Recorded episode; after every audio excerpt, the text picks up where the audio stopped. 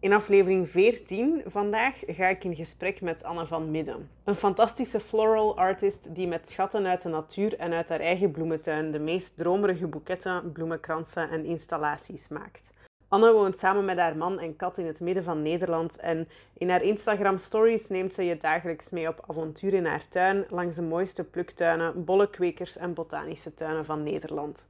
Ze heeft een online flower school waar je elke maand nieuwe lessen en technieken kan leren van haar. Hoewel we heel wat jaartjes samen in de trouwbranche hebben gewerkt, zijn we elkaar nooit echt tegengekomen daar. Dus ik vind het echt mega tof dat ik haar vandaag aan jullie mag voorstellen en haar mag uitvragen over alles wat met bloemen en creatief ondernemen te maken heeft. We praten over de natuur als inspiratie en een plantennerd zijn, over creativiteit en ondernemen met elkaar verzoenen, over jezelf ruimte geven om te veranderen, over zichtbaarheid en authenticiteit, over ja zeggen tegen alles dat sparks joy en over nee zeggen tegen dingen die niet bij je passen. Ik denk dat het uh, fijn is om gewoon te starten met stel je voor, Anne, wie ben je? Wat doe je? Uh, maar voor de mensen die mij volgen, die jouw fantastische werk nog niet kennen, is dat denk ik wel een mooie opening van de aflevering. Dus um, vertel, ja, het is dus om, om, te beginnen heel awkward om in het Nederlands te praten over wat ik doe. Want ik doe altijd alles in het Engels. Ik ben natuurlijk gewoon Nederlands, maar ja, ik, alle teksten en alles is in het Engels. Dus ik moet even vertalen in mijn hoofd van, oh ja, dat doe ik ook weer. Ik noem mezelf in het Engels floral artist. En ik vind daar in Nederlands gewoon niet echt een woord voor wat de lading dekt. Want mm -hmm. kunstenaar krijg ik toch een beetje jeuk van. dat is mijn eigen associatie wellicht, maar denk ik toch een beetje aan de jaren negentig bloemschikboeken die ik bij de kringloop vind. Maar ja, dat is eigenlijk wel wat het is. Uh, en ik geef les online. Uh, dat is uh, wat ik werktechnisch doe en ben. Verder, nou ja, ik ben dus Anne. Ik woon in Soest. ik ben getrouwd. Ik heb een kat. Dat is mijn baby. Ook al is ze 14, maakt niet uit. Het is mijn baby. en ja, ik ben wel echt creatief ondernemer. Meer creatief dan ondernemer. Om alvast een klein voorblikje op een van je vragen te geven. Of voorproefje. En natuur is eigenlijk alles voor mij. Dat is echt het grootste, grootste ding in mijn leven, mijn grootste passie. Dat is eigenlijk alles waar ik over praat. Al mijn boeken gaan daarover, zelfs romans gaan daarover. Uh, ik heb bloemenprints overal. Het is echt wel een kleine obsessie. Nee, misschien heb ik hulp nodig. Maar gewoon een mooie rode draad, toch? Een obsessie, dat klinkt gelijk. Ja, het is helemaal niks hoorderachtig of zo, hoor. Maar uh, ja, dat, dat hoorde, dat hoort, tenminste voor mij, voor, voor mij hoort dat er ook wel een klein beetje bij. Ik heb, ik heb ook wel een klein beetje verzamelwoede als het op ja. mooie dingen aankomt. Hey, Maricondo is echt niet aan mij besteed, want ik heb het ook op mijn website staan. Alles sparks joy bij mij. Dat is een ja. show. Ja. dus daar heb je helemaal niks aan. Ja, op een bepaalde manier, want ik ben ook helemaal geen maricondo als het aankomt op spullen, maar ik ben wel een maricondo als het aankomt op, op ideeën. Ideeën die echt joy sparken, dat zijn de dingen ja, ja, ja. waar ik iets mee doe. En de, de dingen die geen joy sparken, die laat ik gewoon uh, links liggen. Dus ik vind wel dat zij op dat vlak enorm veel wijsheid heeft. Ik vind dat ook een maatstaf trouwens. Does it spark joy? Oké, okay, dan go for it. Uh, maar voor, ja, voor sommige mensen zijn er meer dingen die joy sparken dan voor, dan voor anderen. Ja, ik ben echt een extra hoor. Echt alles sparkelt. maar ik denk dat wij ook wel onze liefde voor kringloopwinkels en mooie oude dingen als ik dan bij jou op, uh, op jouw Instagram een mooie verzameling vaasjes zie langskomen, dan denk ik helemaal ja. ja, ik ben gisteren nog eens kringlopen en dus vrijdag ook. Dus ik moet ik, eigenlijk die hele regel van één erin, één eruit, dat gaat ook niet werken met mij. Het is voor mij nee, gewoon nee, 0 nee. uit, 20 erin. Ja. ik probeer dat meestal wel, maar ik heb het, ja, ergens, ergens heb ik het ook wel gewoon opgegeven. Dat dat... Ja, niet tegen de mannen zeggen en zo, maar ja. ja ik, ik woon ook samen met een hoarder, dus wij, oh, okay, wel, uh, wij, wij begrijpen elkaar daar wel in we hebben gewoon andere, andere, andere dingen die we hoorden. Ik ben ja. meer van de mooie oude spulletjes en mijn man is meer van de boeken. Oh, dus, ja. Uh, ja, hier komt wel zo ongeveer wekelijks uh, drie nieuwe boeken. Ja, wij hebben dat wel met planten. We zijn allebei echt onwijze plantennerds. Ik meer qua bloemen en Stefan meer echt planten en allerlei bladvormen en varen. Zij zegt varen obsessed. Dus we gaan wel vaak naar kwekers vaak quote haakjes, zeg maar. Ja, um, ja. ja, dat is wel een beetje een probleem. En dan zeggen we elke keer, nee, de tuin is nu echt vol. En dan komen we toch weer met een autolading vol planten terug. En dan ja, daar ben ik mij ook altijd... blijf ik mij ook altijd over verbazen. Want ik denk, vorige week of zo hadden jullie weer een lading bloembollen die, waren, die de grond in gingen. Of die, Ik ben nu op 1 vijfde van de bloembollenplanten. Ik heb nog vier dozen staan. En dat moet dus ergens nog tussen al die planten die we ook nieuw gekocht hebben. Dus ja, het is wel een beetje een probleem. Maar En ik ah, ja, herinner mij nog als op de, als de dag van gisteren dat jullie vorig jaar ook een paar honderden bollen in de grond gestopt Ja, hebben. ja, de- ja, 2800. to be Ja, exact. wow. Met name omdat Stefan wilde een tapijt van boshyacinthe, dus die heeft in één keer duizend gekocht. Ja. Dat was wel een tikje enthousiast. Maar met tulpen is het zo dat je niet zeker bent dat ze het jaar erop opkomen. Ja. En omdat ik ze natuurlijk voor mijn lessen gebruik, denk ik, ja, ik wil wel zeker weten dat ik tulpen heb. Eh, En then some, zeg maar.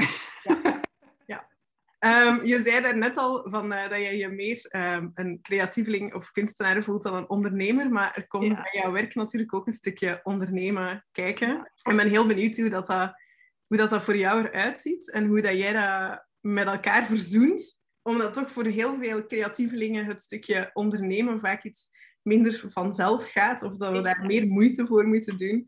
Dat het meer iets is dat dan moet of zo. Maar als ik naar jou kijk, dan heb ik altijd gevonden dat jij dat op zo'n mooie, effortless manier doet. Ah. Ik ben heel benieuwd hoe het er aan de achterkant uitziet bij jou.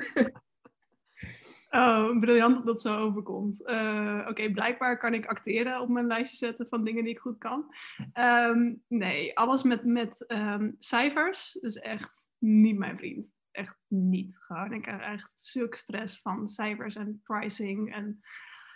Oh, maar die prijzen bepalen is ook zo'n vak apart. Ik snap dat echt niet hoe mensen het doen. Ehm, het is inmiddels oké. Ik heb, ben nu negen jaar eh, zelfstandig ondernemer. eh, sinds 7 november, dus goed jubileum.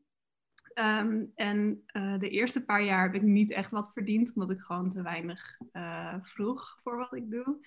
Eh, zeker in de bruiloftwereld is het gewoon heel lastig, omdat mensen het ook allemaal voor het eerst doen. Dus je moet continu opnieuw uitleggen van, oh ja, zoveel kost het. En oh, oh, oh, nou, bij, de bloemi- bij de bloemist is een boeketje 20 euro. Ja, bij de bloemist is het niet op maat gemaakt. Ehm, dus je moet elke keer alles opnieuw uitleggen. Nu ik daarvan af ben gestapt en lessen ben gaan doen, ehm, moest ik eigenlijk weer opnieuw het wiel uitvinden. Dus ja, dat hele ondernemerding. ik- het, gewoon vooral het prijzenverhaal en, en administratie en e-mails, dat zijn gewoon niet echt eh, mijn grootste hobby's. Het social media bijhouden, dat gaat prima. Ik, ik heb genoeg te kletsen, dus ik heb genoeg te laten zien. Het is meer een probleem van, misschien moet ik niet alles online gooien in plaats- en dan een beetje een lijn zoeken daarin. Maar ja, het creatief en het ondernemen, het is echt... Ja, ik snap wel dat heel veel mensen het daar moeilijk mee hebben. Het is gewoon niet een hele natuurlijke combinatie. Omdat je iets vanuit je hart aan het doen bent en dan opeens heel logisch moet nadenken erbij. En een soort van structuren in moet aanbrengen. En ja, dat is gewoon een hele, hele ingewikkelde combinatie op de een of andere manier. Ik denk dat ik net op de goede grens zit van creatief en ondernemer. Ik ben niet goed in alles, zeker niet. Ik vind het wel leuk om zelf van alles te doen, om zelf van alles te leren. Ik heb een boekhouder. God, Ik ook. Godzijdank. het is te laat, sinds vorig jaar. Maar eh, als ik het over zou doen, zou ik dat in jaar één doen. Ehm, nee, maar dat, eh, dat scheelt een hoop stress om een boekhouder te hebben. Want er komt niet alles op mij aan. Ik hoef me niet druk te maken om alle btw-sommen en dat soort dingen. Eh, ik, ik kan gewoon niks met cijfers. Het scheelt een hoop stress voor Stefan, want die moest het anders doen voor mij. Goed voor mijn huwelijk. Ja, ik heb, eh, ik heb zelf, ik denk nog voordat ik naar de KVK stapte, had ik al een eh, gesprek met de boekhouder in. Oh, echt? Wauw. Toen ik, toen ik begon, was mijn man al vijf jaar zelfstandig aan het ondernemen. En die deed het toen allemaal zelf. Maar die vloekte ook elk kwartaal. Eh, en ik dacht, no way. No way. Ik wil niet elk kwartaal vloeken op de boekhouding. Dus het eerste dat ik ga Dat doen, is zo goed. is een boekhouder erbij halen. En eh, toen zijn we eigenlijk samen naar de boekhouder gestapt. En nu doen ze het dus voor ons allebei. En dat is eh, Oh, fijn. dat scheelt een hoop vloeken in huis. oh, wat goed. Ja, dat had ik ook moeten doen, denk ik. Maar ja, ach.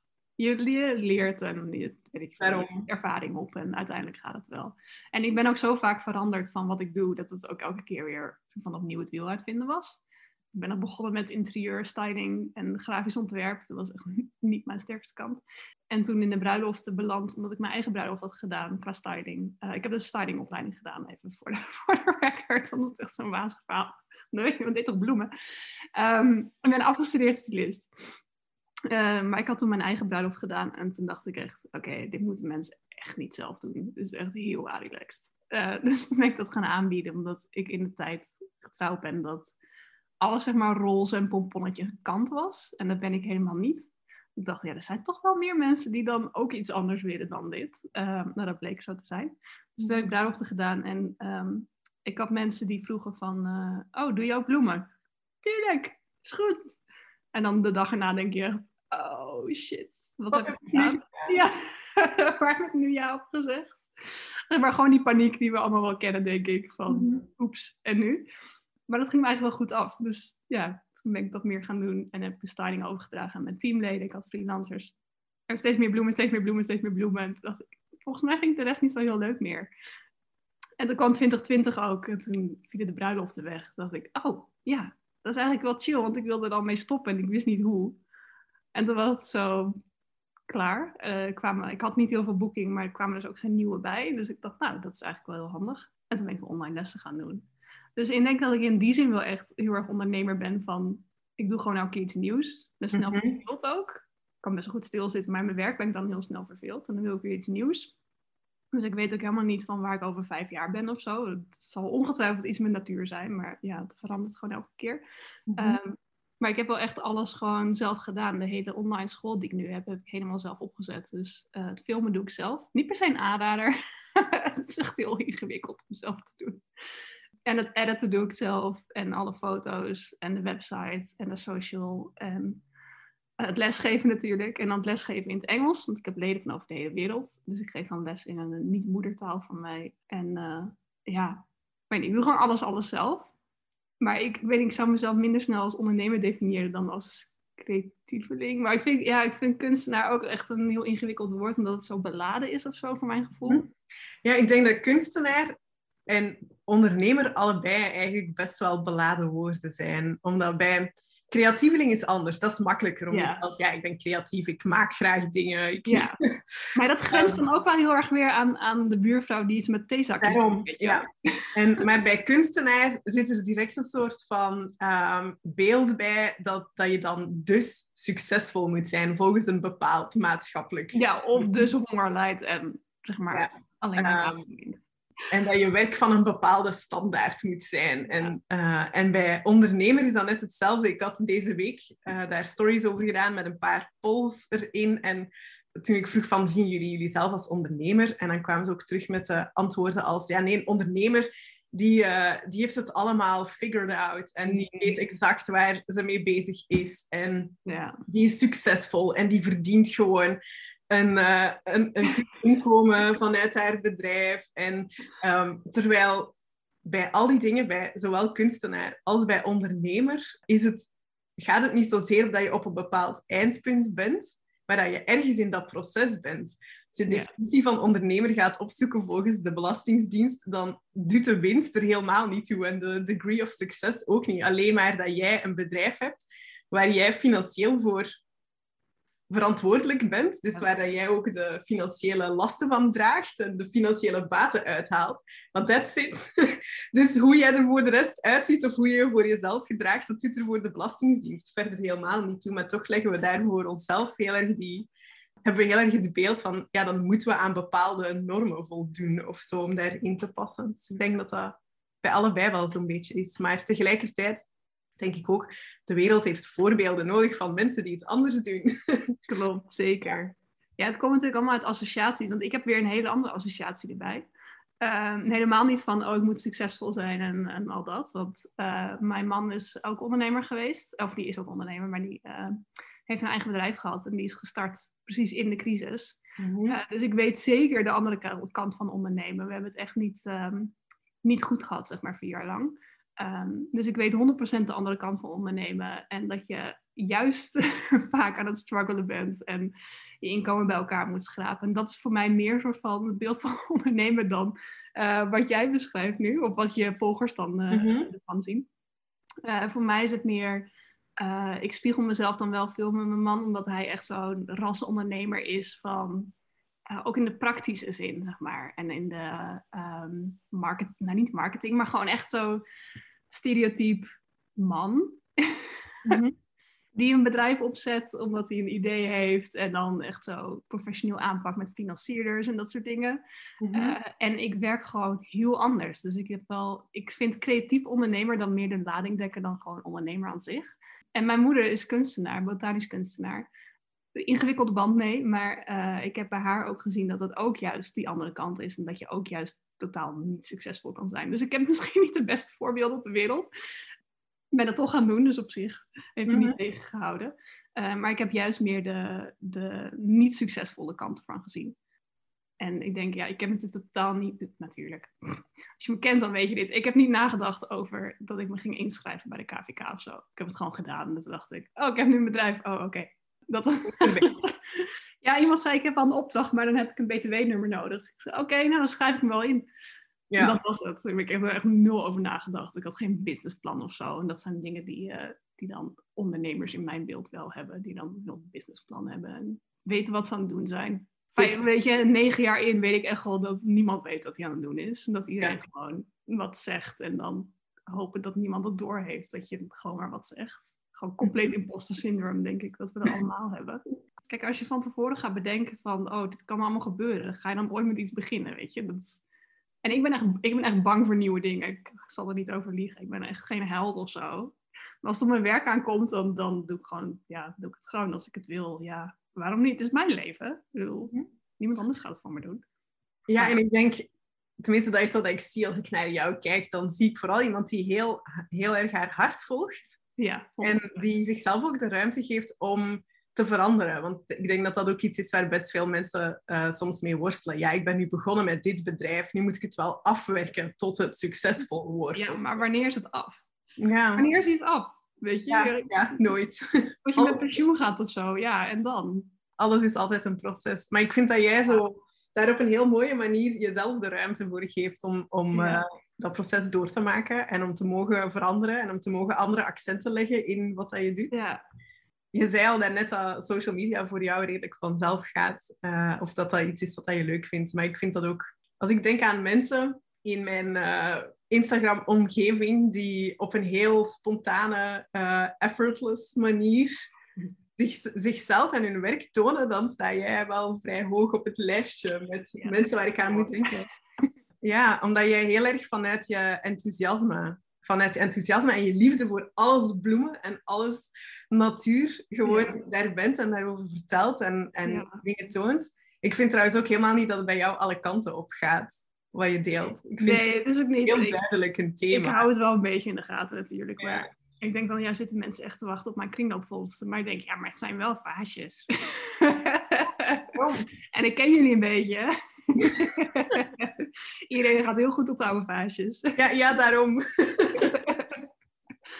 ja, nee, ik hou het wel een beetje in de gaten. En ik deel natuurlijk niet alles, alles. Ik Ik deel niet dat ik huilend tot de badkamervloer zit, omdat ik denk, ja, ik weet niet wat ik aan het doen ben.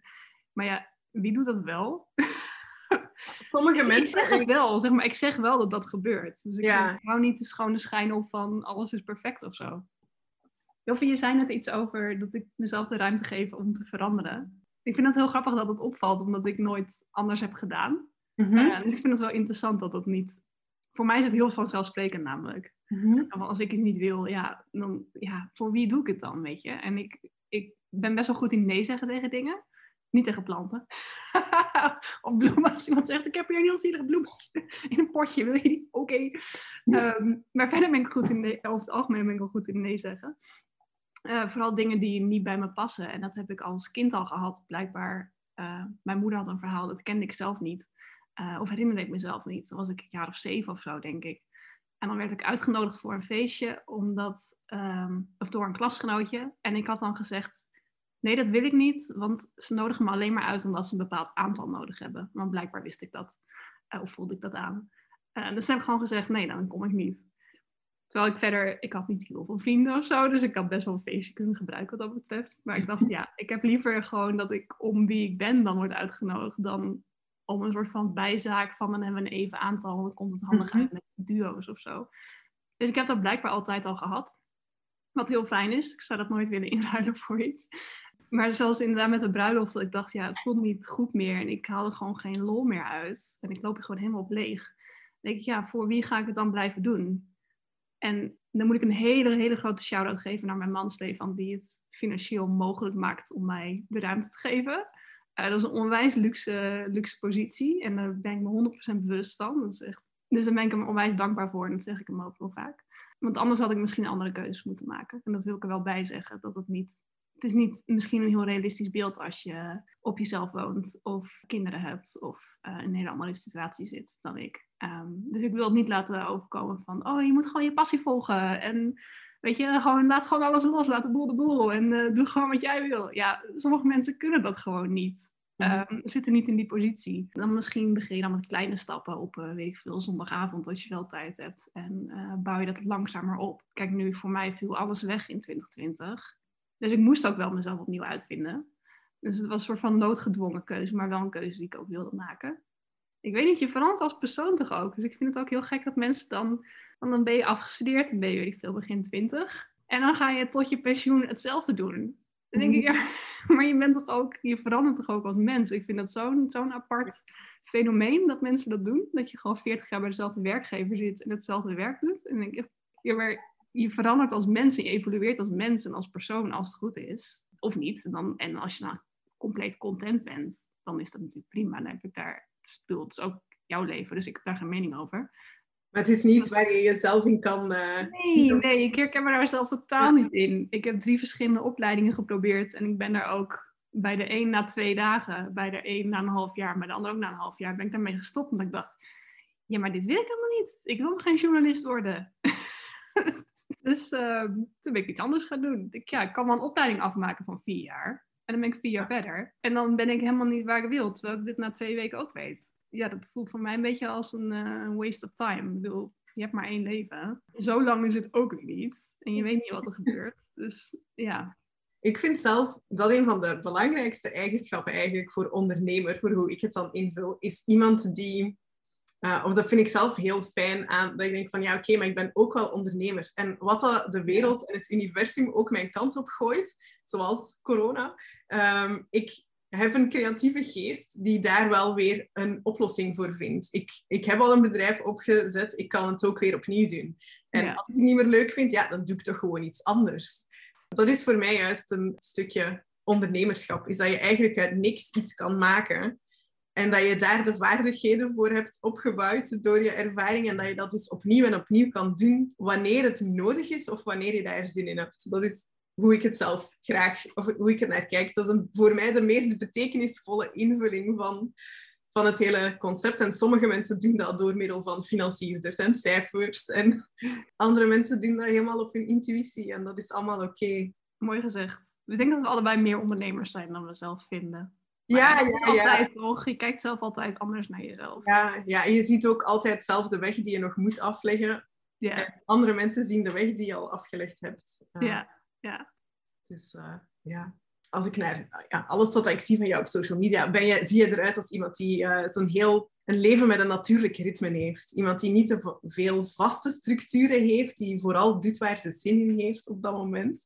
Maar ook iemand die wel heel veel met haar werk bezig is. Tenminste, ja, bloemen zijn natuurlijk niet alleen maar jouw werk, zijn misschien ook jouw passie. Maar hoe ziet voor jou je ritme eruit? Heb jij een soort van ritme? En hoe ziet balans of harmonie tussen werk en alle andere dingen, alle kringloopwinkelbezoeken? Iemand anders vroeg me dit laatst ook of ik een ritme had. Ik vind dat echt heel lastig, want ik ben echt niet iemand voor, voor ritme en structuur en regelmaat en zo. Ik heb niet een dag tot dag van werkritme. Het is inderdaad van hoe ik me voel. Het is ook omdat ik mijn eigen uren maak, ben ik daar natuurlijk heel flexibel in. En inderdaad, ik heb dus geen kinderen, dus ik ben niet afhankelijk van tijden dat ze opstaan en naar bed gaan en zo. Dat ze zijn gelukkig flexibel. Ja, ja, ja. um, dus dagen als vandaag, dat is echt zo bewolkt is en donker, en dan ben ik echt niet vooruit te branden. Dan komt er echt vrij weinig gedaan. Dus het is goed dat, we dan, dat ik dan een interview heb. Dat ik in ieder geval nog iets doe. Dus ik ben daar echt, ik ben daar echt heel flexibel in. Uh, het is wel... Het komt vaak neer op dat ik overdag dan bijvoorbeeld niet vooruit te branden ben. En dan het eind van de middag... Ik ben echt een avondmens, dus eind van de middag ga ik pas aan. En dan echt letterlijk pas om vier uur of zo. En dan werk ik dus heel goed tot tien uur s avonds of zo ja, dat is natuurlijk als je samenwoont of getrouwd bent niet heel gezellig. Uh, En hij werkt gewoon van 9 tot 5. Dus um, dat is niet de meest ideale combinatie. Dus ik probeer wel een soort van reguliere werktijden aan te houden. Maar ik werk bijvoorbeeld ook heel lekker op een zondag. En dan vind ik het echt een super fijne dag om in mijn studio te zijn en gewoon een beetje aan te rommelen. En, of fase te schoonmaken. Niet per se heel leuk, maar het moet gebeuren. Mm. Elke week ongeveer. Ehm, dus dat vind ik gewoon wel lastig aan, aan onze maatschappij. Is dat het heel erg dat 9 tot 5 ritme is. Mm. Omdat je niet, ik kan wel flexibel zijn en ik heb veel freelance vrienden en zo. Dus je kan op zich wel kringloopdates inplannen op een dinsdag. Maar ik kijk meer naar eh, wat ik moet doen in een maand of in een week bijvoorbeeld. En ik plan dat dan in en dan hou ik me daar niet aan. ik zeg heel leuk, ik plan het in. Ik hou me er echt zelden aan. Meestal schuif ik iets op tot de week erna en dan toch tot de week erna tot het echt moet gebeuren. Ik zit wel echt op deadlines, dan ga ik wel goed. Eh, maar als ik het voor mezelf moet doen, zoals een nieuwsbrief maken of zo, zit er echt nul haast achter. Dus dan denk ik, oké, nou dat komt wel een keer. Ja, dat schiet natuurlijk niet heel erg op. Maar voor jou werkt het wel om... Uh, ja, het werkt wel. vooral mijn structuur nu met de lessen is vooral... Ik maak één keer per maand een, uh, een video voor mijn leden. Uh, en die wil ik dan ongeveer halverwege de maand lanceren, zodat ze nog de bloemen uit het seizoen kunnen meepakken. Want ik wil hem dan in het seizoen maken, maar ik wil ook dat zij hem in het seizoen kunnen zien. Dus daar zit wel wat haast achter. Dus die neem ik op en dan ga ik echt meteen editen. En dan zit ik gewoon een week achter een computer alles te doen. Uh, en dat is wel echt mijn, mijn vaste werkritme, zeg maar. Dat het begin van de week ga ik meestal, of begin van de maand ga ik meestal filmen. Dan ga ik editen en dan halverwege de maand release ik die uh, video. En dan heb ik eigenlijk een weekje soort van vrij. Omdat het editen dan is best wel een intens weekje. Veel computer, mm -hmm. lange dagen. En dan ga ik weer nadenken over een nieuwe les. En ik heb dan een live Zoom-les elke maand ook. Dus de, die online school zorgt er wel voor dat ik een beetje structuur heb. Dat ik in ieder geval uh, maandelijkse ritme heb. En dat werkt voor mij wel. En nu met de seizoenen, net dat het wat donkerder wordt, ik ben wel echt geneigd om dan mee te gaan in dat ritme van de natuur. Zo, dan gaan we stem even. Nee, dus ik ben wel echt geneigd om mee te gaan in dat ritme van de natuur en dan dus wat rustiger aan te doen als het donkerder wordt. En daar is op zich nu wel genoeg ruimte voor. Maar ja, als, het dan, als er andere klussen tussendoor komen, ja, dan, dan ga ik wel gewoon door. Ja, ik, het ligt heel erg aan van of ik nog extra dingen heb naast de school, of ik extra opdrachten heb.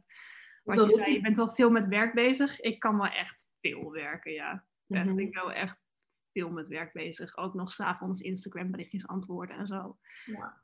De werk-privé-balans waar je het over had, dat is uh, Ik weet niet of dat echt een ding is, of is dat gewoon een soort illusie?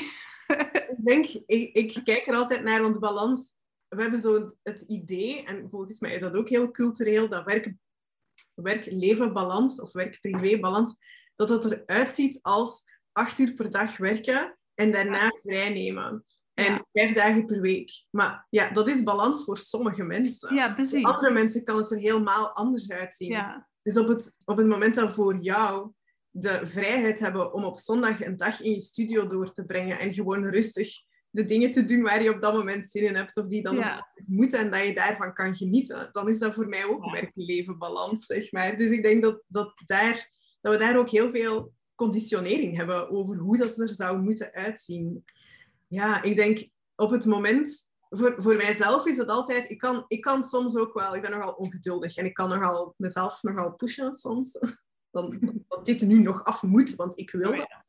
En dan kan ik soms veel te ver doorgaan en dan voelt het ook echt als werk. En dan kan ik er niet van genieten. Maar als ik zin heb om op een doordeweekse avond, wanneer ik officieel niet aan het werken ben, een nieuwsbrief te schrijven, omdat ik zin heb om mijn kaarsjes aan uh, te gaan zitten schrijven, dan voelt dat niet als dat er iets uit balans is. Dus dan, ik heb ook een meer, iets meer flexibele, rustige manier om daar, daarin te staan. Maar net als jij heb ik ook geen kinderen, dus ik heb ook helemaal niet de pressure om... Uh, nee, dat is echt zo fijn.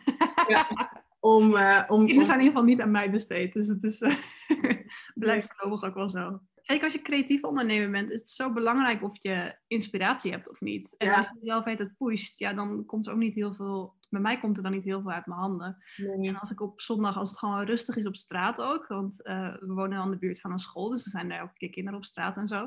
Dus dan is het rustig en mensen zijn gewoon wat, wat relaxter. En dan ja, ik weet niet, dan heb je meer ruimte in je. Ik heb dan in ieder geval meer ruimte in mijn hoofd of zo. En ook s'avonds, weet je, je wordt niet het lastig gevallen door mailtjes of dat soort dingen. Dus het is gewoon wat stiller. Dus je hebt gewoon wat meer eh, ruimte voor je eigen inspiratie en je eigen gedachten. Ik denk dat dat ook wel meespeelt misschien. Ja. ja, ik heb heel soms ook dat ik dan midden in de nacht wakker word. Een uur vier of zo. Oh. Ehm, en dat ik dan ineens inspiratie heb. En dan zou je kunnen zeggen, ja oké, ik ga terug slapen. Want ik bedoel, het is vier uur s'nachts, ik moet Ja. slapen nu. Maar het gebeurt niet zo vaak hoor. Ik denk dat ik dit ongeveer vier keer per jaar of zo, eh, eh, of zo heb. Maar als ik op dat moment denk, oh ja, ik heb inspiratie om te schrijven. Dan kan ik gewoon echt een uur gaan zitten Oh, wow. met, een, met een journal op mijn schoot, in een dekentje gewikkeld op de zetel. En dan ga ik schrijven. En eh, dat uurtje slaap, dat kan ik dan wel s ochtends inhalen. Ja, dat is ook zo. Ja. Dus dat, zijn, dat zijn wel echt dingen, en dat is ook iets dat ik echt heb moeten leren. Ik vind het nog moeilijker voor mijzelf om dan te leren om op het moment dat het niet stroomt, dat de inspiratie er niet is, om dan gewoon te zeggen: Oké, dan ga ik nu gewoon wandelen. Of dan Ja. ga ik nu gewoon lezen en iets helemaal anders doen. Dat, dat is voor mij, dat is mijn leerpunt. Dat, ja, ik denk dat dat voor heel veel mensen een leerpunt is, omdat we eh, even maatschappij-technisch, we leven in een kapitalistische maatschappij. We zijn gewoon heel erg geconditioneerd om zo te denken. Mhm. Ehm, en om bezig te blijven en om druk te zijn en om veel te kopen natuurlijk. Ja, ja. Ehm, dat vooral. Dat is het allerbelangrijkste. Veel geld verdienen, veel geld uitgeven. Ja. Dus dat is gewoon, dat is niet per se iets wat bij jou zelf vandaan komt. Ik denk dat het goed is om ook voor andere mensen om dat te beseffen. Dat je ehm, op die manier geprogrammeerd bent door de maatschappij. Net zoals vrouwen en veel geprogrammeerd zijn met heel veel andere dingen. Eh, dat het wel iets is wat, wat iedereen heeft in onze cultuur. Omdat het zo soort van, ja, gebrainwashed is eigenlijk. Om het Ja, te ja. zeggen. Zeker. eh, Dus het is helemaal niet gek dat, dat heel veel mensen daar moeite mee hebben. En ik heb dat ook hoor. Ik, eh, nou ja, ik ben er wel goed in op zich. Ik ben wel goed in niks doen. Ik ben ook wel goed in hard werken, maar ik kan ook wel gewoon Netflix of zo. Ja. een uur lopen met een podcast op of zo. Ja. Ook omdat als je de hele dag achter een scherm zit, dan is het gewoon niet heel goed voor je. Ja. Ehm, maar ja, het is, het is wel iets wat, eh, wat ergens vandaan komt. Dus het is niet iets wat, eh, waar mensen zichzelf van de schuld van moeten geven of zo. Van, oh, ik kan geen vrij nemen en dan boos op zichzelf worden. En dan echt dat ondernemersschuldgevoel, wat echt Ja. classic is. Van, oh, ik kan geen vrij nemen, want ik moet druk zijn, want ik doe het zelf en ik moet mezelf bewijzen. En nog drie keer zo hard als anderen. Zeker als creatief ondernemer, want oh, je hebt van die hobby werk gemaakt en leuk de hele dag foto's. Leuk de hele dag met bloemen spelen. ja. Ja, dat is gewoon niet wat het is. En dan wil je extra hard bewijzen naar de buitenwereld. Van, ik doe heus wel iets legitiems. Ik ben echt wel echt een bedrijf, zeg maar. Ik ben niet een bedrijfje, ik ben Mhm. een bedrijf, zeg maar. Dus dat geeft jezelf gewoon permissie om te zeggen van... Ja, ik, ik heb een bedrijf, maar ik ben ook gewoon nog steeds iemand die rust nodig heeft. En eh, af en toe vrij moet nemen. Want weet je, we rennen onszelf allemaal voorbij. Die hele westerse, zogenaamd moderne maatschappij. Ik bedoel, het is één grote burn-out eh. Ik bedoel, dat komt echt niet nergens door, weet je. Dat is niet iets wat we zelf bedacht hebben of zo. Dus dat is, het is gewoon een cultureel verschijnsel van een maatschappij die gewoon, nou ja, ziek is eigenlijk. Laten we het gewoon zo zeggen. Dus we moeten gewoon, eh, ja, dat, dat beseffen in ieder geval. En dan bedenken van, oh wacht, het is niet omdat ik niet goed ben. Het is niet omdat ik niet iets goed doe. Het is gewoon omdat de hele maatschappij als systeem gewoon niet zo heel goed bezig is. Ja. Ehm, dus het is goed denk ik, om te bedenken van, wacht, het is niet iets wat, wat ik heb bedacht en wat ik mezelf aandoe. Het is wel aan jezelf om ermee te stoppen. Ja. ja, ik denk trouwens dat, ehm, dat het hele balansstukje, ik denk dat dat ook veel meer zit in, in wat je eigenlijk net zei. Ik kan, heel, ik kan heel hard werken, maar ik kan ook heel hard niks doen. En Ja, dat, je dat, hard, play hard. ja, dat je dat kan scheiden, dat je kan zeggen, ik ga nu 100% werken. Op Ja. whatever moment feels right for me. Ja, Midden in de nacht is of op zondag of s avonds. ja, of 's ochtends. Ehm, en ik ga nu even 100% niksen, wandelen, podcast luisteren, Netflix kijken, cake bakken, weet ik veel. En, en daar heel hard van genieten. En dan ook het werk even uitzetten. ja Of- werk uitzetten is wel, wel lastig hoor, als je zelfstandig ondernemer bent. ja, maar ik denk ook wel dat er verschillen zijn. Want ik denk het creatieve deel van ons werk uitzetten, dat is heel, heel lastig. En dat hoeft denk ik ook helemaal niet. Want op de momenten dat je aan het niks doen bent, dan komt er juist ook vaak weer inspiratie. Dat is ook waarom we vaker niks Ja. zouden moeten doen, is omdat er dan ruimte is voor... Onder de- standaard, heel onhandig. Maar we kunnen op die momenten ook juist heel hard blijven vasthouden aan al die maatschappelijke conditionering, aan we zouden moeten en de schuldgevoelens en de frustratie. En dat is denk ik waar we vanaf mogen. Dat zijn de dingen die... Het is ook gewoon doodvermoeiend toch, om daaraan vast te houden. Want het is iets wat, wat niet goed voor je is en iets wat je niet helpt. Dus ik ben er echt groot voorstander van, van ja, maar als iets niet goed voor je is, stop er dan mee. Ja. En dat klinkt misschien heel, heel simpel en dat is het misschien helemaal niet. Maar ik ben ook met, uh, met mensen bijvoorbeeld, ben ik daar ja, misschien heel hard in. Maar ik denk, ja, maar als deze vriendschap bijvoorbeeld heel toxic is of zo, denk ik, ja, sorry, maar dan laat ik het liever doodbloeden dan dat ik daar blijf in blijf investeren, omdat ik dan als goede vriend gezien word. Dan denk ik, ja, maar mm. dan ben ik niet goed bezig als persoon en niet goed voor mezelf en het is niet goed voor, voor die ander. En ja, ik ben er met alles denk ik wel goed in dat ik, uh, of heel, heel streng in of heel hard in misschien. Ik denk er wel zacht naar jezelf in. Ja, ja, ja. Want jij zei van, oh, als ik kan denken aan zacht, zacht ondernemen, dan denk ik aan Anne. Dat vind ik heel, dat is een heel mooi compliment, want ik heb heel hard gewerkt aan mijn cynische kant heel hard loslaten. Ik ben opgegroeid in een hele cynische familie. Ik was heel negatief. En ik heb er echt heel bewust heel hard aan gewerkt om dat los te maken en om opener en positiever te zijn. of niet opener, ik was al open, maar om positief en, en aardiger te zijn en inderdaad zachter naar mezelf. Het is echt mijn woord van het jaar ook, softer. Dus uh, dat, is, dat is mooi dat je dat uh, zegt dan nu uh, een beetje aan het eind van het jaar. Ja. het komt mooi doorschijnen dan. Maar ja, het is, het is zo belangrijk. Want weet je, aan het eind van de dag heb je gewoon jezelf en je eigen gedachten en je eigen ziel om mee te leven. En natuurlijk ook anderen. Maar in allereerste plaats jezelf. Dus als je niet goed bent voor jezelf, ja, dan houdt het voor de rest van de ketting ook op, zeg maar. Dan kan je ook niet iets leuks aan anderen geven. Ja, maar ja, dat is mijn tegeltjeswijsheid voor vandaag. Ja, maar het is, het is, het is wel gewoon uh, heel erg zo. Dat op het moment dat je niet genoeg aan jezelf geeft, kan je ook niks meer aan de wereld geven. Nee. En voor de meeste creatieve mensen is dat juist hun hele ding. Ze willen iets geven aan de wereld. Hoe dat dan ook uitziet. Voor de ene zijn het bloemen, voor de andere zijn het beelden, voor de andere zijn het verhalen. Um, Maar ja, dan, dan, dan stopt dat ook op een bepaald moment. Dus, um... Maar in die zin vind ik het helemaal niet hard. Ik vind het juist zacht naar jezelf toe. Dat je jezelf de ruimte geeft om die keuzes te maken en om, om dat zo centraal te stellen. Maar ik ben, ben super benieuwd of dat, dat voor jou een, een, een soort van natuurlijk proces is geweest. Dat je daar gewoon bent aanbeland. Of dat je daar ook heel bewust keuzes in hebt gemaakt. Ook wat je zei net van de seizoenen. Uh, dat je um, in de wintermaanden en het najaar, de donkere maanden, ook het iets rustiger aandoet en misschien iets minder werkt uh, en iets meer rust. Of, of dat je daar bewust voor gekozen hebt, bijvoorbeeld. Je hebt uh, je online flower school, je membership. Ben je daaraan begonnen met het hele idee van, ah, want dan geeft mij dat ook de ruimte om het rustiger aan te doen? Of is dat eigenlijk zo vanzelf gegroeid? Uh, nee, dat heb ik wel, denk ik, los daarvan bedacht maar nee, ik heb niet bewust mijn, mijn school begonnen of zo, omdat ik dan meer ruimte heb. het is echt deels begonnen uit noodzaak vanwege corona en dat de events opeens ophielden. En ik speelde langer met het idee van online lessen geven, uh, omdat ik een hele internationale doelgroep heb. Uh, op Instagram bijvoorbeeld is denk ik maar 36% het Nederland. Uh, en een deel dan uh, België en de rest is gewoon van over de hele wereld. Um, en ik kreeg vaak als bericht van ja, ik wil graag wel een één op één les in je studio of een workshop volgen, maar ja, het is gewoon echt te ver. En dan denk ik, ja, als je naar Australië zit, dan snap ik dat ook wel. Ja. Mensen uit Groningen zeggen het ook hoor, maar Nederlanders zijn gewoon niet heel veel gewend. Um, dus ik dacht, ja, ik wil op de een of andere manier ook hun kunnen bedienen. Um, dat, dat, ze, dat ze wel uh, dichterbij kunnen zijn. Uh, en online is dat natuurlijk ideaal. En ik heb nu ook echt leden van letterlijk van Amerika tot Australië. Dus dat heeft perfect gewerkt. Um, nee, dus dat is meer begonnen omdat ik... Ja, ik ben wel echt iemand die wel echt wil doen wat ze zelf wil... zonder dat ik vastzit aan, aan anderen. Dus dat betreft is het ideaal omdat ik nu uh, mijn eigen, ik ben mijn eigen opdrachtgever en uh, ik heb niet heel veel te maken met verwachtingen van klanten of dat soort dingen, behalve mijn leden natuurlijk. En daar heb ik gewoon hm. goede gesprekken mee. Maar het is heel anders dan de bruiloftwereld, waar je echt met een grote bak stress en draaiboeken en andere vendors te maken hebt. En nou, je kent die wereld. Het, is, het, is, het ziet er heel romantisch uit van de buitenkant. Uh, is het niet per se aan de binnenkant? Ja.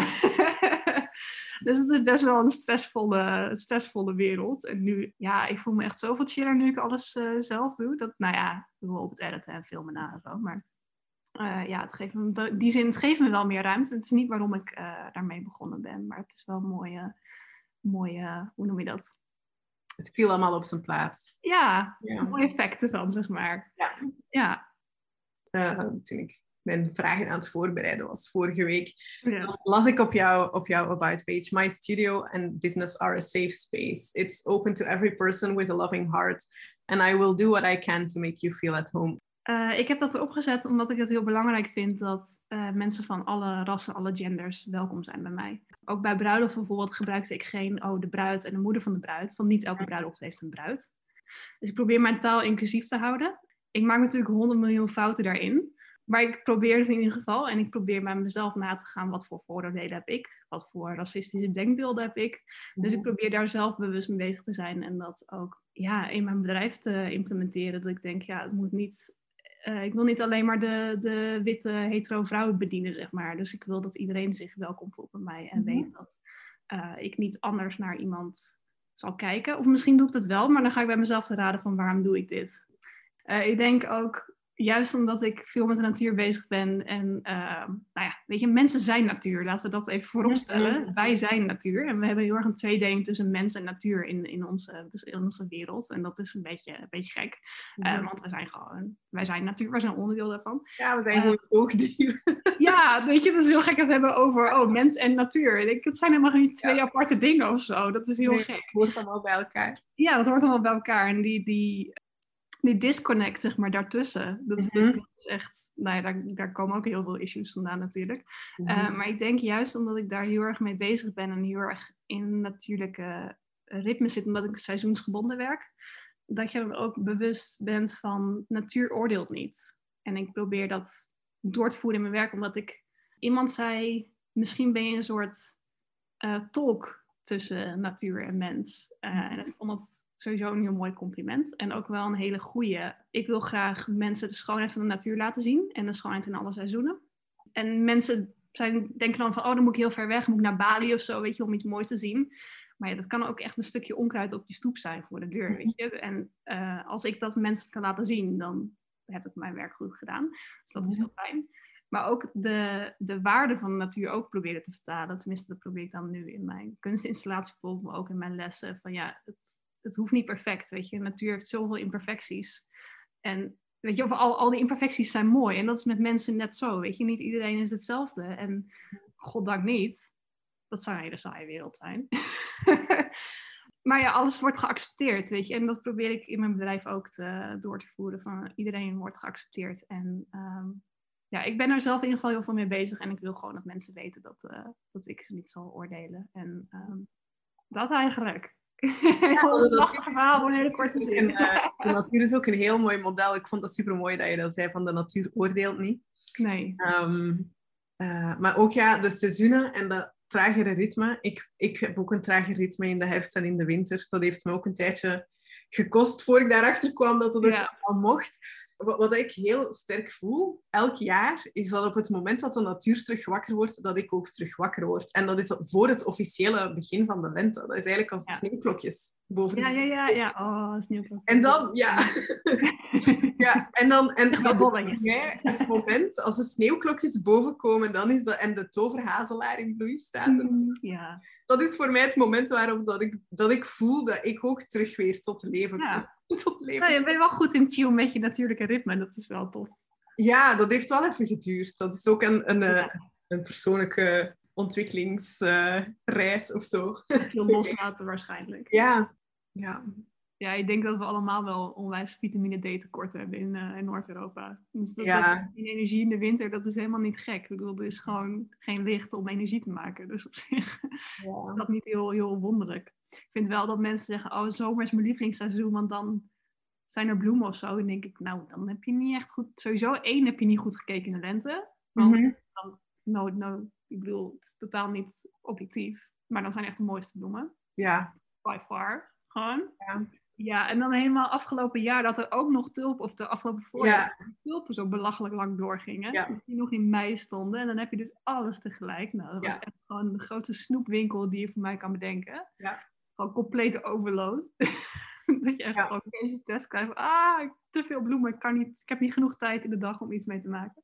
Ja. Maar dat mensen dan gaan trouwen in juli en augustus en zo, ja, dan moet je bloemisten echt niet aandoen. Dat is, nee, echt, juli is echt een ramp. Het bloeit niks in juli. In juni ook, ja, eind juni, ja, rozen misschien wel wel, maar in juli is echt, jongens, hou op met trouwen in juli. Het is echt een slecht idee. Het is heet, het zijn geen leuke bloemen, je doet je bloemist alleen maar een nachtmerrie aan. Ja. Maar ja, in, in de winter is er net zoveel moois. Ja, oké, misschien moet je iets harder zoeken. Maar dus, weet je, als je kijkt naar bijvoorbeeld elzenpropjes in een boom, die hebben echt een super mooi silhouet tegen die, die stomme bewolkte luchten. Mhm. En, ehm, de zaaddozen van heel veel bloemen en ehm, de vogeltjes die daarop afkomen. Weet je, als je dat laat staan in je tuin, heb je allemaal koolmeesjes die aan die bloemetjes zitten te plukken. Nou, dat is ja. En alle, alle lovely dead crap. Ja, ja, dead crap. Ja, ik heb mezelf Forager of Dead Stuff genoemd. Ja. Ik sleep echt allemaal zooi mee naar huis. Ehm, probeer iets minder omdat mijn studio best wel vol staat. En er al best wel veel beestjes leven in mijn studio. Familie spin en muggen en vliegjes en van alles. Eh, dat hoort er een beetje bij. Ik hou de deur goed dicht met de woonkamer. Ehm, maar ja, het is wel heel moeilijk voor mij om dan zo'n tak Judas-penning te laten staan in de berm. Weet je, het, is, het zijn gewoon kleine maandjes op een stok. Ik bedoel, dat is toch echt... Het is gewoon magie. Echt, de natuur is gewoon magie. Ik kan het niet anders zeggen. Dus, weet je, en wat ik zei, je hoeft gewoon niet ver weg te voor. Je hoeft niet naar de andere kant van de wereld. Je hoeft niet een vliegtuig te pakken om dan ergens mooie natuur te zien. Ik vind dat zo'n apart fenomeen dat mensen dat niet, niet doorhebben van... Zo zonde gewoon, weet je. Als ik over straat loop, dan zie ik elke stoeptegel iets moois. En dan mensen lopen gewoon Ja. door. Niks is. Ik, ik mis wel bergen. In Nederland nog, tenminste in België hebben we ook geen bergen, maar dat hebben tenminste de Ardennen. Ja, oké. Ja. ja. Maar eh, ik mis in Nederland wel echt, eh, wel echte bergen. Daarom ga ik nog een keer af en toe eh het vliegtuig in om Ja. bergen te zien. Ja. Ehm, maar ja, ik, ik woon eh, een half uurtje rijden van de duinen. Dus Mm. ik ben ook heel veel in de duinen te vinden, want die vind ik Ja. prachtig. Dus, eh, Ja. En ja, Utrechtse Heuvelrug ook. En de Veluwe ook. Dus, ja. heel veel mooie natuur in Nederland. ehm, Ja. Kijk, het is natuurlijk niet, niet wilde natuur. We hebben geen wilde natuur meer. En kijk, ik ben onwijs fan van koraalriffen. Dus ik zou ook echt niet zeggen van, we hebben ik, heb, ik heb genoeg aan wat in Nederland is. Zou ik wel Mhm. hebben, maar natuurlijk wil ik ook meer zien. Maar het is niet dat hier alles stom is of zo. En dan verderop... Nee, absoluut niet. en Ik vind het ook altijd een, een heel grappige reminder als ik in eh, Italië ben. Ik ben veel in Italië, want mijn moeder woont daar. En dat dan mensen vragen van, ah, waar komen jullie vandaan? En dat je dan zegt, ah, Ja. Nederland. En dat dan alle Italianen zeggen, ah, Nederland, che bella! En dat ze Ah. vertellen over al hun fietsvakanties die ze hier Oh. hebben en over hoe mooi het hier is. En, en dan denk ik, ja, dat is... Je bent eraan natuurlijk. Ja, het, is, eh, het gras is altijd groener aan de andere kant. Wel. Ja, op zich wel. Ja. Ik denk, dat is denk ik misschien mijn... ehm, Maar het gras is bij ons ook groen. ja, nou, onze buurman Ja. Ja, maar ik bedoel, het spreekwoordelijke gras is bij ons ook groen. Ja. Nederland heeft ook gewoon mooie stukken. België heeft mooie Ja, en ik denk Ja. dat dat ook wel mijn, eh, mijn kracht is om, dat, om niet te wennen aan die schoonheid. En om te blijven verbazen over wat ik zie. En echt dat kindachtige, ehm, die verwondering hebben. Ja. Ik kan letterlijk met mijn nichtje van twee over straat lopen. En dan staan we echt bij elke tegel stil van... Oeh, oeh, oeh, kijk mooi. En mijn Ja. zusje wordt helemaal knijterlijp, want die wil gewoon naar huis. Maar dus ik denk, dat duurt lang. Ja. Maar ja, het is, ik weet niet, als je voorbij loopt en al die mooie dingen die misschien gewoon lijken, maar eigenlijk heel bijzonder zijn. Ehm, het verrijkt je leven gewoon als je, de, als je wel erbij stilstaat. Ik Mhm. stond gisteren nog een foto te maken van een van de klimplantje wat helemaal uitgedroogd was, maar dat had dan een hele mooie vorm. En dan zie je mensen die voorbij lopen echt kijken van wat staat die vrouw nou bij dat hek te doen met die dode plant. Maar ik denk, ja, maar het is wel heel mooi en jullie missen het allemaal. Ja. Ik denk, ja, als je gewoon een rondje gaat lopen door je wijk of zo en ehm, dat soort dingen ziet, dan het maakt je leven gewoon zoveel leuker en Mhm. inspirerender. En weet niet. Ja, ik vind Ja, het gewoon. Verwondering hebben voor alle En ik heb ook echt geen uitknop, dus het is eigenlijk wel irritant. Ik kan nergens heen. Ik kan ook niet heel goed auto rijden, want ik sta echt onder, onder seconden in de berm omdat ik iets leuks zie. Of ik rij mezelf per ongeluk tegen een boom, maar ja, heb ik niet gedaan. Maar ik bedoel, dat risico is er wel. Als er leuke bloemen zijn, dan stuur ik zo opzij. Oepsie. Eh, ik zit veel liever als passagier in de auto, dus fijn. Mhm. Ja. Ehm, maar ja, ik denk dan, zoals ik was laatst in een tuin waar ze echt prachtige Japanse esdoorns hadden. En dan lopen mensen gewoon door. En dan denk ik, hoe dan? Hoe kan je dan gewoon doorlopen alsof je dit niet ziet? En dan heb ik echt een soort error in mijn hoofd van, hoe zie je dit niet? En hoe... Ze kijken wel of zo, maar ze zien het niet echt, weet je. Ze Mhm. zich op. En ik denk die aandacht hebben voor dingen ehm, is gewoon zo belangrijk. Ik weet niet, ja, voor mij in ieder geval. En Ja. ik denk dat het voor anderen ook, eh, misschien, weet niet, misschien kan het helpen of zo. Gewoon met wel de schoonheid zien van de winter of eh, van de herfst. En ehm, ja, ik weet niet, dan is het gewoon een, wat gezelliger.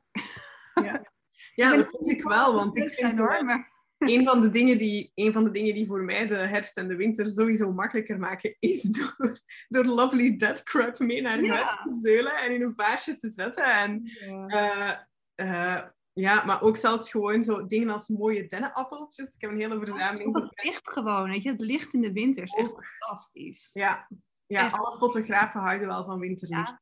En de vorst in de ochtend en zo. Ja, mijn bloemen zitten er niet op te wachten. maar- Ja, en de mist en de rijp op het veld. En, ja. Ja, weet je, de boom is gewoon zo hard licht. Ja, ik weet niet. Ja. Niet veel met hitte en zo, maar ja, ik weet niet. Ik vind het gewoon, als je, ik denk ook de onderliggende gedachte van, van die missie van mij om mensen de schoonheid van de natuur te laten zien, in alle seizoenen, heel belangrijk, ehm, is ook dat als je iets mooi vindt en er meer over weet bijvoorbeeld, is dat je er beter voor gaat zorgen.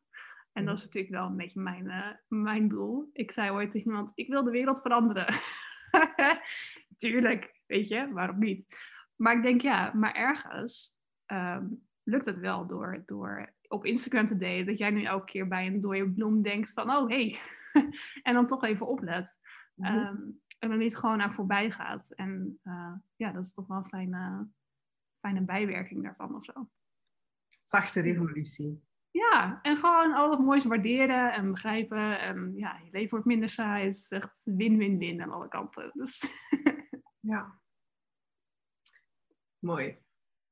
Ik heb nog één vraag voor jou voor we afronden. En dat is, welk, welke wijze woorden of welk advies zou jij de jongere versie van jezelf willen meegeven? De Anne die nog aan het begin van haar ondernemersreis staat, negen jaar geleden. Oh. ehm, niet zoveel twijfelen aan jezelf. En vraag meer geld.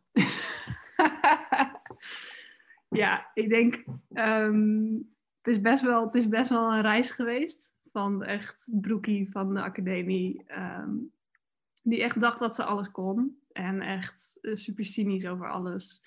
Naar meer ehm, meer zachtheid, wat je ook zei. En meer, ehm, meer ruimte voor, voor, ja, wat is het? Voor de kunst ook. Ik kan mezelf nooit als kunstenaar, eh, ik had mezelf nooit kunstenaar durven noemen, zeg maar. En nu met mijn installatie bijvoorbeeld is dat wel echt een, eh, een deel van wat ik doe. Geen werk trouwens, ik zie dat niet als mijn werk. Even Mhm. een ander verhaal. Mhm. Ehm, maar omdat daar kan ik gewoon mijn hele persoonlijke verhaal in kwijt. En ik denk dat de Anne van negen jaar geleden had echt geen idee van waar ik toen in staat was. Mhm. In de beste zin, zeg maar. Gewoon, ik had geen idee dat ik nu mijn emoties in bloemen zou kunnen laten zien. Eh als je dat had gezegd, omdat ik waarschijnlijk gedacht, "Pff, hoe dan? Are you talking about? Ja, zo, eh, what? dat ik nu zou lesgeven aan bijna 100 mensen van over de hele wereld in het Engels. Ehm, en dat ik weet ik veel video's zou maken, dat ik een grote community zou hebben online. En dat ik, weet niet, mijn mensen zou hebben gevonden. Want ik, was, ik ben best wel eenzaam geweest, ik best wel veel mee gestruggeld ook. Ehm, dus ik ben echt niet zuinig met laten weten hoe blij ik ben met mijn community. Dat ga ik echt, als het als mensen het oké zouden vinden, zou ik dat gewoon elke dag zeggen. Ik denk dat het misschien een beetje much wordt. Maar ehm, dat is wel echt iets wat heel belangrijk voor me is. En ik denk dat ik dan zou zeggen, dat komt wel goed. Stop doubting yourself and charge more. Mhm. En als je, als je nu terugkijkt op, ehm je zei van, ja, ik ben echt heel blij dat ik mijn mensen heb gevonden. ja. De, de Anne die misschien een paar jaar geleden, negen of, of, of zeven jaar geleden of vijf jaar geleden, misschien nog dacht van, ja, hoe ga ik mijn mensen vinden? Want ik Uh, ja, is eigenlijk meer negen, jaar en daarvoor vooral. Want ja? ik, ik heb wat, zou je, wat zou je dan zeggen over hoe, wat, wat, ze, wat die Anne zou mogen doen om ervoor te zorgen dat die mensen op haar pad zouden komen? Wat, wat is... Uh, meer van jezelf zijn. Uh, ik heb vroeger wel eens gehoord dat ik te veel was en dat ik gewoon ik veel, niet alles moest zeggen, want dat was dan niet sociaal wenselijk. En, weet je, doe maar leuk en doe maar masker op, want dan ziet het perfect uit voor de buitenwereld. Nou, daar ben ik niet van geweest, ben ik nooit van geweest, ga ik nooit zijn. Uh, ik ben wie ik ben en als je daar heel veel moeite mee hebt, dan ga je bij de buren aanbellen. Die zijn heel anders. Um, dus dit is wie ik ben, maar ik denk dat ik wel voorzichtiger daarmee ben geweest, omdat ik mensen heb gekwetst ook door gewoon vrij eerlijk en open te zijn. Of dat zij kon het niet aan, zeg maar. Dus het is niet mhm. per se dat ik iets verkeerd zijn, maar het was ehm, weer een pijnpunt voor hun, zeg maar. Uh, dus ik ben wel voorzichtiger geweest met, met open zijn. En toen kwam ik in aanraking met een paar nu vrienden. En die zeiden, ja, maar doordat jij open bent, kan ik me openstellen. En dan voel ik me veilig bij jou. Mhm. Ehm, en daardoor wordt die band juist nog dieper en nog mooier. Dus, ehm, maar dat is echt iets van de afgelopen twee, drie jaar eigenlijk. Dat ik dacht, oh wacht, dit is ook een, een uh, cadeau zeg maar voor anderen. Een, een, ehm, juist een gift zeg maar. Dat je denkt van, oh ja, als ik open ben, dan kunnen, krijgen andere mensen ook permissie om ook open te zijn. En ook hun verhaal te delen. En als ik mijn verhaal deel, wat ik heb meegemaakt. en daar bijvoorbeeld over huil of zo dan denken mensen, oh wacht, ik ben niet de enige die, die het moeilijk heeft gehad. Ik ben niet de enige die niet perfect is of zo. Ehm, ik denk dat we heel erg het beeld hebben van dat alles perfect en mooi moet zijn. Weet je, perfect voordoen en alles in orde hebben. Maar weet je, dat is gewoon niet hoe het leven werkt. En hoe meer mensen daar open over zijn, hoe meer mensen zich gezien voelen, veilig voelen. En ik wilde altijd gezien worden vroeger. En iedereen wil gezien worden, iedereen wil erkend worden. En als iemand je een soort van toestemming geeft van het is oké en je bent imperfect, maar je bent nog steeds de moeite waard en je mag nog steeds gezien worden. En die daarin laat zien van kijk, ik ben dat ook en ik doe nu ook dit en ik zit niet alleen op een kamer te huilen. Kijk, soms wel.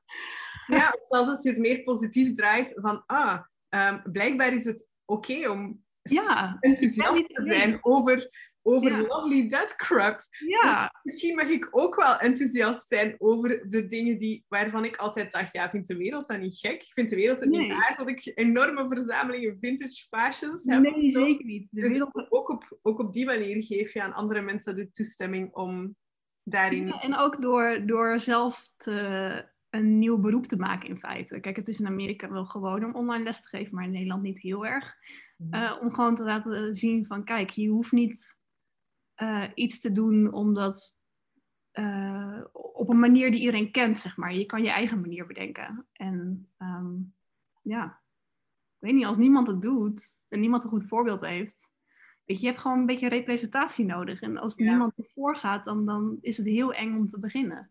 En als iemand iets zegt over een gevoel en niemand zegt, hé, hey, ik ben ook eenzaam en hé, hey, ik heb ook issues en hé, hey, ik heb ook een moeilijk familieleven gehad. En als niemand dat zegt, dan denk je, ik ben alleen.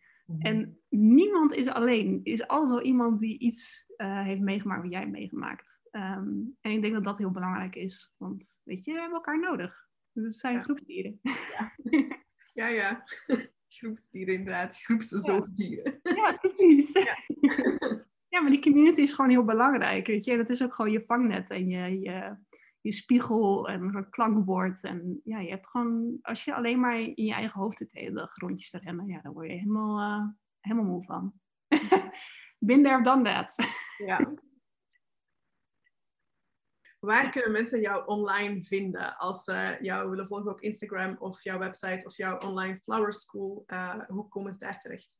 Uh, nou, ik ben op Instagram gewoon Anna van Widden. Um, dus eh, ik gebruik voor alles gewoon mijn naam, dus dat is heel overzichtelijk. www.annevermidden.com uh, eh, Daar staat ook een linkje naar de lessen, dus je kan gewoon doorklikken op Instagram ook. Um, dus als je me op Instagram vindt, dan vind je me overal. Mijn bedrijf heet gewoon Anne van Midden, Floral Design. Uh, ik alles vernoemd naar mezelf, dus dat is heel overzichtelijk. Oké, goed. Ik zet de linkjes ook allemaal in de beschrijving van de podcast, dus dan kunnen jullie ook makkelijk doorklikken. Goed. Okay. Ik wens jou een hele fijne middag. Ja, jij ook. Um, het is alweer donker. Ja, ja het wordt Al Ik drie. nog even wandelen voor het helemaal donker Ja, wordt. ik ga ook even naar buiten. Ja. Ja. Oké, geniet van de wandeling en van Yes. alle kleine mooie natuurgelukjes die je tegenkomt. ga ik zeker doen. Yes. Dankjewel voor je tijd en ook. fijne dag. Doei. Doei! Als je genoten hebt van deze aflevering, dan zouden Anne en ik het superleuk vinden als je een screenshot deelt van deze podcastaflevering op je Instagram stories. En vertelt wa- wat jou vooral gegrepen, geïnspireerd of aangesproken heeft vandaag. Tag ons dan zeker ook vooral, dan kunnen wij ook eh, even een shout-out geven aan jou in onze eigen stories. Bedankt voor het luisteren en tot binnenkort.